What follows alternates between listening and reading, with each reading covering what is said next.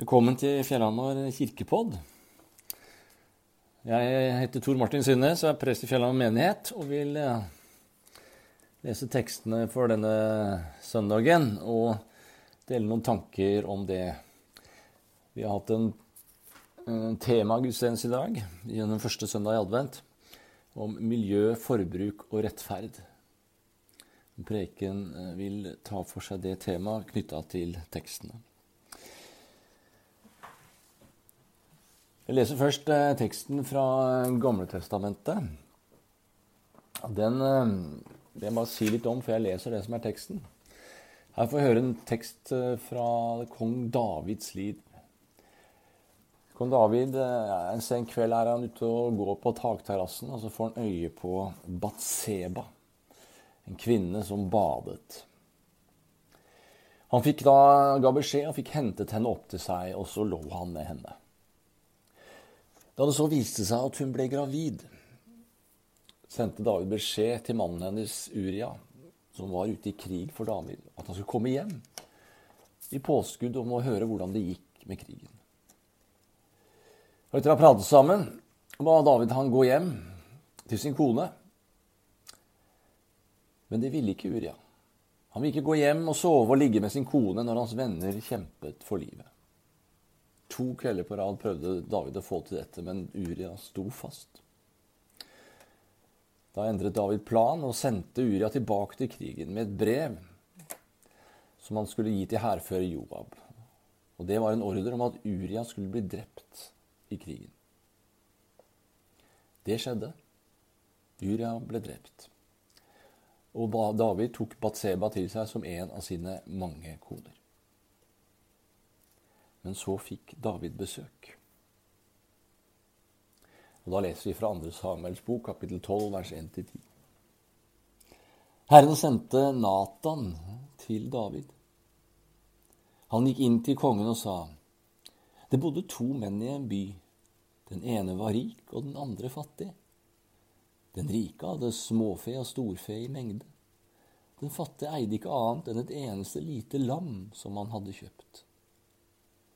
Han alte det opp, og det vokste til sammen med barna hans. Det spiste av brødet hans, drakk av begeret hans og lå i fanget hans. Det var som en datter for ham. En dag kom det en vandringsmann til den rike. Men han kvidde seg for å ta noe av sitt eget småfe eller storfe for å lage i stand for gjesten. Han tok lammet som den fattige eide, og laget det til for mannen som var kommet.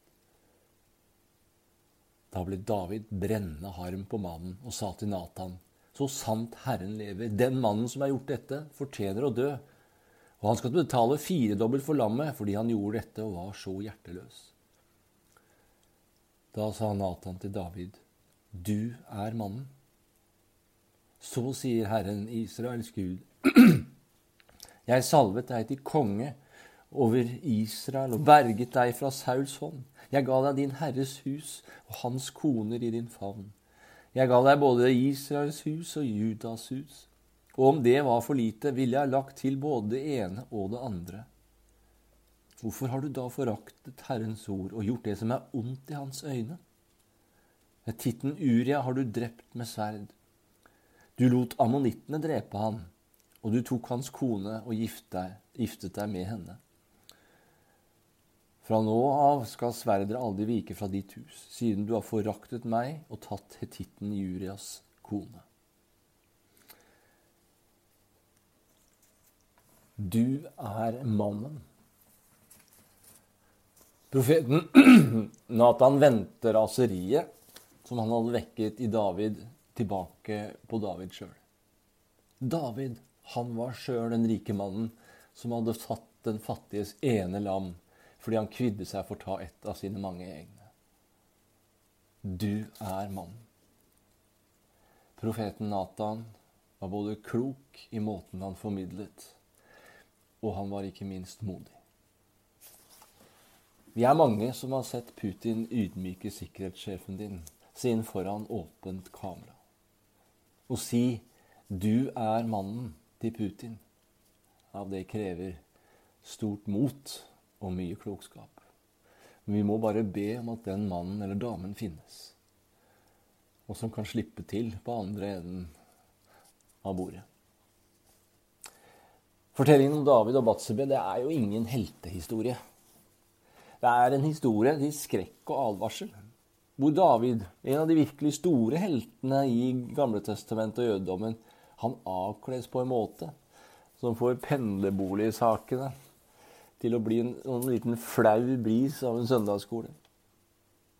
Bibelen er brutalt ærlig, og det er faktisk noe av det beste med Bibelen. Den rommer livet som den er på sitt mest avskyelige, nesten, og mest råe. Men da blir også rommet og behovet for Gud så reelt, livsnært og viktig. Men så er det allikevel en heltehistorie, den vi hørte. David hadde alle muligheter til å kunne skape en annen fortelling om hvordan dette her skjedde. Og drept Nathan også.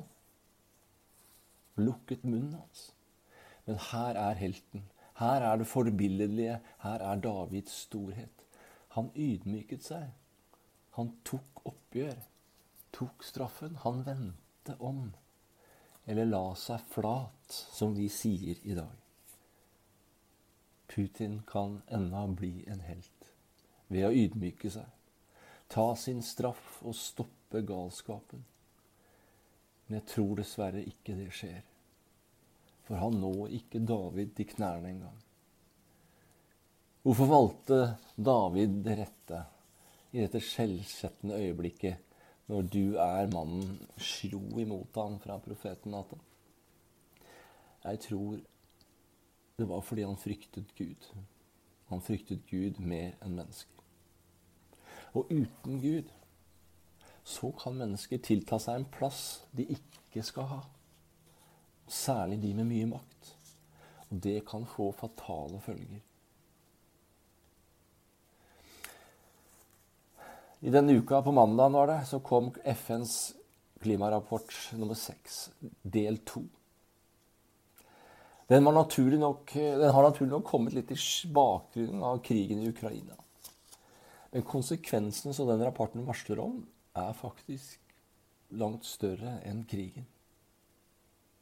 Jeg skal ikke si mye om rapporten. Men konklusjonene er klare, og de er vel mer entydige enn noen gang. Omfanget av denne menneskeskapte klimakrisa er større enn tidligere fryktet. Og det går raskere enn man har trodd. Alt liv, fra økosystemer til menneskeheten, er sårbare for disse endringene. Vi nærmer oss et bristepunkt, er det mange som sier. Eller et vippepunkt. Og alt henger sammen med alt. Naturen er vårt viktigste forsvarsverk i møte med klimaendringene. Så det store tapet av natur og overforbruket av naturen som vi ser i dag, det forsterker klimaendringen. Som igjen forsterker tapet av natur. Vi er inne i en dårlig sirkel. Ekstremvær øker med flom, tørke og stormer. Og stadig større områder blir ubeboelige og ikke til å leve av. Folk på flukt vil øke, med alt det innebærer av konflikt og håpløshet matvareproduksjonen rammes. Og en rød tråd i alt dette er at det er de fattige som har forurenset minst, som rammes hardest. Norge, som har tjent seg rike på CO2-utslipp, har penger derfra til å sikre seg også når det blir mindre å dele på.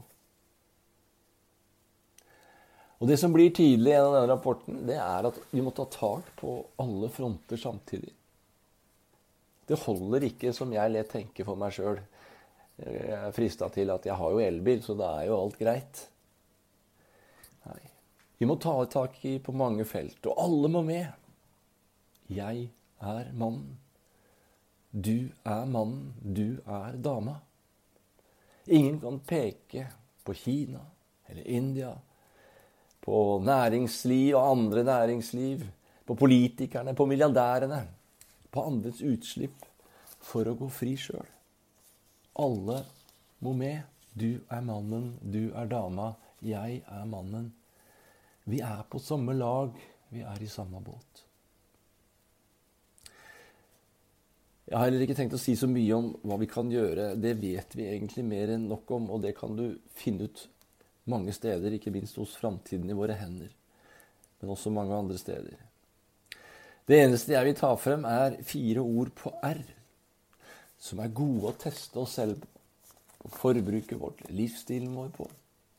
Det er én revurdere, to redusere, tre reparere, gjenbruke Fire resirkulere. Én revurdere. Tenk igjennom en gang til. Hva er nødvendig? Trenger jeg dette? Kan jeg klare meg uten? Kan jeg gjøre det annerledes? Redusere. Kan jeg begrense meg? Kan jeg klare meg med litt mindre? Kan jeg redusere forbruket mitt noe. Det tredje reparere, gjenbruke. Kan jeg reparere det jeg har, også når det er billigere å kjøpe nytt? Kan jeg få tak i dette brukt? Og tar jeg tida til å ordne med det? Kan noen andre bruke det jeg ikke trenger lenger? Fjerde resirkulere. Det handler om når en ting er brukt opp og er avfall, så er avfall verdifullt. Det kan bli til nytt materiale når nye ting skal lagres. Gjenvinning, resirkulering, beskytte jorda og dens ressurser. Men det jeg vil bruke litt tid til å si mer om, det er hvorfor dette er viktig for oss som kirke som troende, som Jesu venner. Hvorfor skal vi bruke tid på jorda og naturen? Er ikke vår jobb å fortelle evangeliet om Guds nåde, om Jesus, så folk kan komme til tro og bli frelst?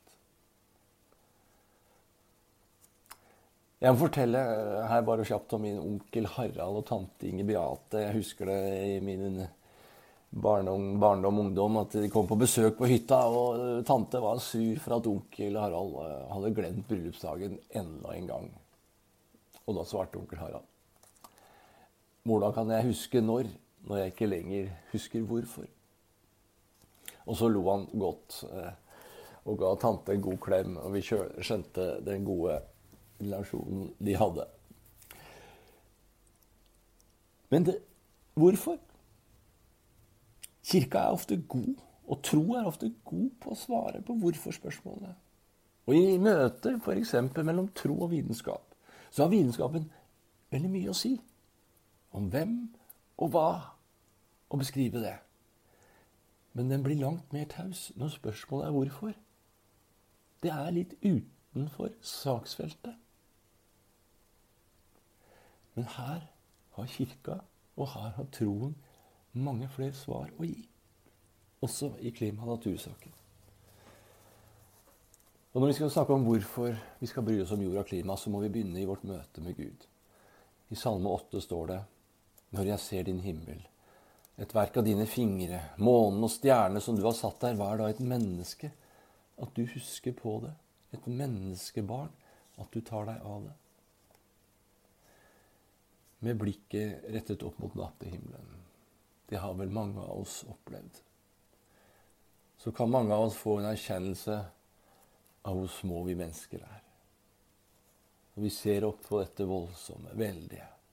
Himmelen dekket av lysende stjerner, månen som skinner mot jorden.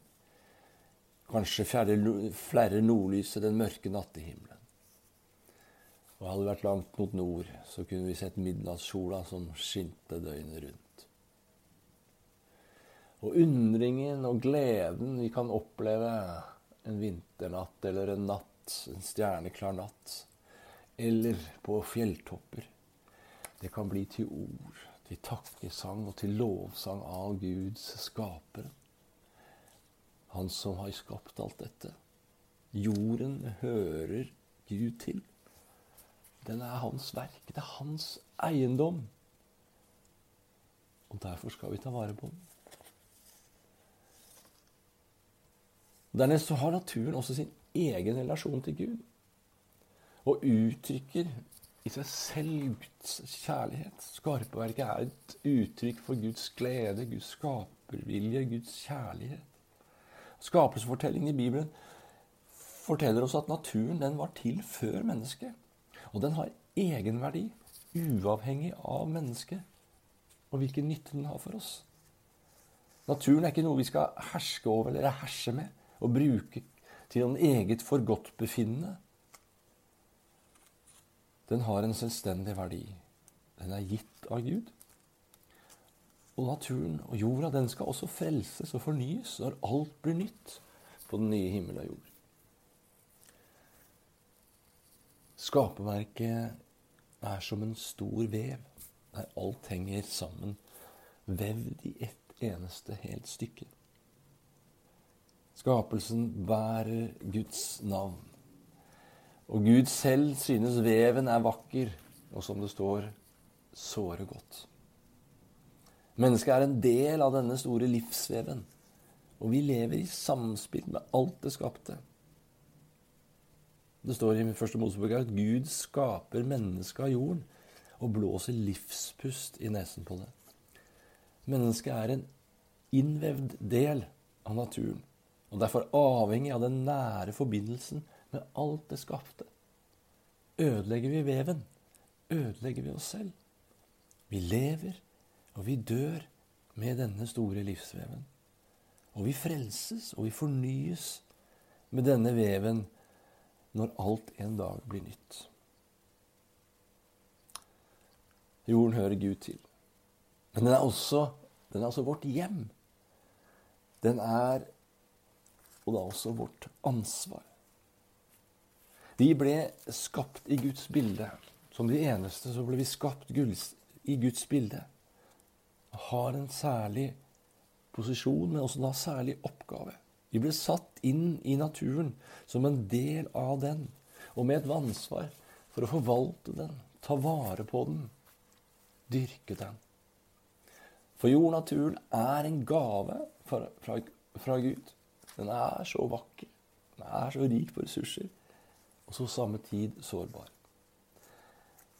Vi er kalt til å forvalte det vi har fått, i solidaritet med medmenneskene i alle verdens land. Og i de generasjoner som kommer etter oss. Og med respekt for andre levende veseners egenverdi. Og vi gjør dette på oppdrag fra Gud selv. Vi er forvaltere på vegne av Gud. Og Kirken må stadig minnes om at vi er kalt til å vise den samme omsorg for jorden som Gud har vist oss gjennom å gi oss dette finstemte, vakre skaperverket og den sammenhengen som vi finner der. Den siste tanken jeg vil ta med, er hvorfor vi skal bry oss om jorda og naturen, det er rettferdighet. Gud er rettferdig. Han kan ikke annet. Han er sykelig opptatt av det. Vi starter fasetiden nå. Og de mest kjente fasteordene er vel fra Jesaja, hvor profeten sier, Nei, dette er fasten jeg har valgt å løse urettferdige lenker, sprenge bånd i åket, sette undertrykte fri og bryte hvert åk i stykker. Og dele ditt brød med sultne, og la hjelpeløse og hjemløse komme i hus. Du skal se til den nakne og kle ham. Du skal ikke snu ryggen til dine egne. Guds hjerte er mer enn noe hos de som strever, hos de fattige, enker, farløse, flyktninger, de marginaliserte, de som lider. Og Klima- og naturkrisen er så gjennomsyret av urettferdighet. Hvor de fattigste som har forurenset minst, har minst skyld i det her, rammes hardest. Og det kan ikke en Jesu venn slå seg til ro med.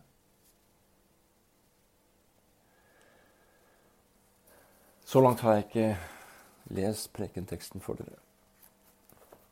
Det gjør jeg nå, og jeg skal avslutte med å si noen ord om den. Den står i Matteus kapittel 26.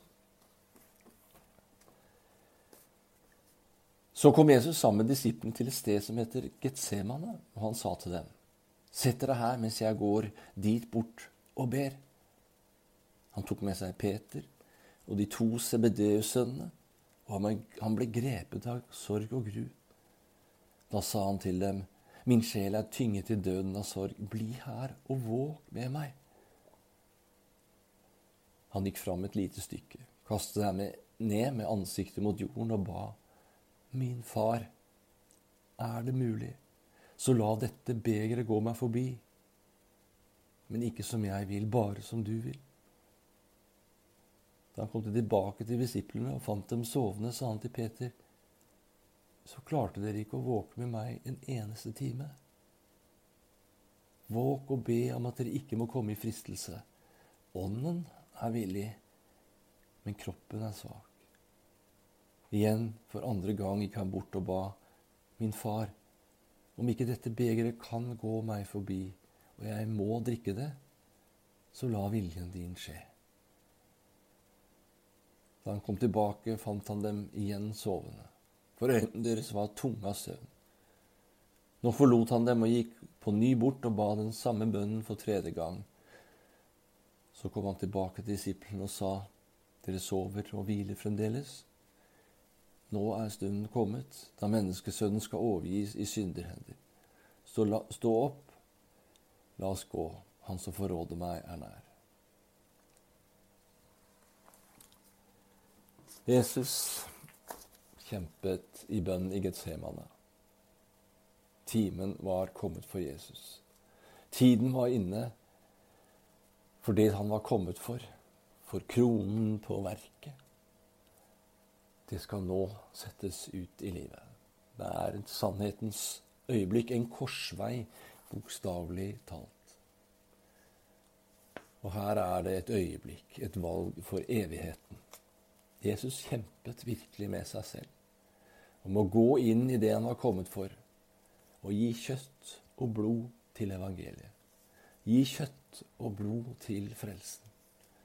Gi kjøtt og blod til hva kjærlighet er ved å gi seg selv for andre. Gjennom lidelse, død oppstandelse, gi kjøtt og blod til tro, håp og seier. Nå var tiden inne.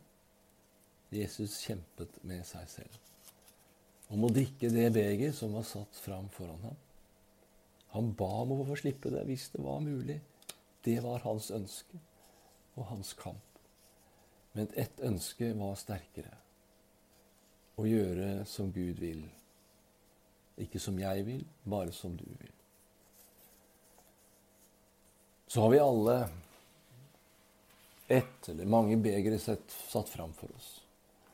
Det handler om noe helt annet enn Jesus sitt beger. Det kunne bare han drikke.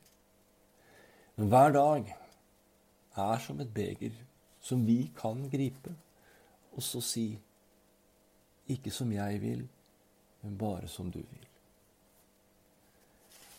Klima- og naturkrisen er en del av vårt beger. Av alles beger. Det er et tidsvindu nå som det kanskje er ett eller to, to tiår igjen av, hvor vi enda kan unngå de verste konsekvensene av klima- og naturkrisen. Det er et stort ansvar som hviler på vår vakt. Men det er også en enorm mulighet. En enorm betydningsfull oppgave. Vi kan få være med og bety noe langt utover oss selv og de rundt oss. Det Kan bety noe som for utrolig mange i mange generasjoner framover. Vi kan få være med og snu retning på denne verdensskuta. Våre barnebarn er hjelpeløse med å gjøre noe med det. De må bare ta det som det blir. Men vi kan få lov til å bidra. Vi kan få påvirke, vi kan få bety noe. Tiden er inne, og tiden er nå tiden til å handle. Alle må med. Og da blir også alle de småtinga du og jeg pusler med, bidrag. Store bidrag i å redde denne store livsveven.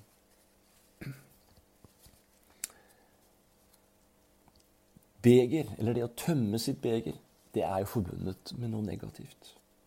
Også i Gamle Testamentet så var det, innebar det innholdsmessig som en straff eller Guds vrede. Men i nattverden så ga Jesus uttrykket beger et helt nytt innhold. Beger med vin. Hans blod til soning og frelse. Det ble til et velsignelsens beger. Begeret som gis oss og settes foran oss i nattverden. Er det vi, noe vi kan gripe? Som vi kan gripe? Det er fylt av velsignelse fra Gud. Det er Jesu kjærlighet og nåde. Der finner vi hans fred og kraft. Og Der finner vi hans nød og omsorg for en hel verden, og da også kampen for rettferdighet. Å gripe vårt beger og si ikke som jeg vil, bare som Gud vil, det er å ta imot velsignelsen fra Gud og å dele de videre. Spre Guds velsignelse videre til hverandre og en klima- og krigstruet verden. Amen. Ta imot velsignelsen. Herren velsigne deg og bevare deg. Herren la sitt ansikt lyse over deg og være deg nådig. Herren løfte sitt åsyn på deg og gi deg fred. Amen.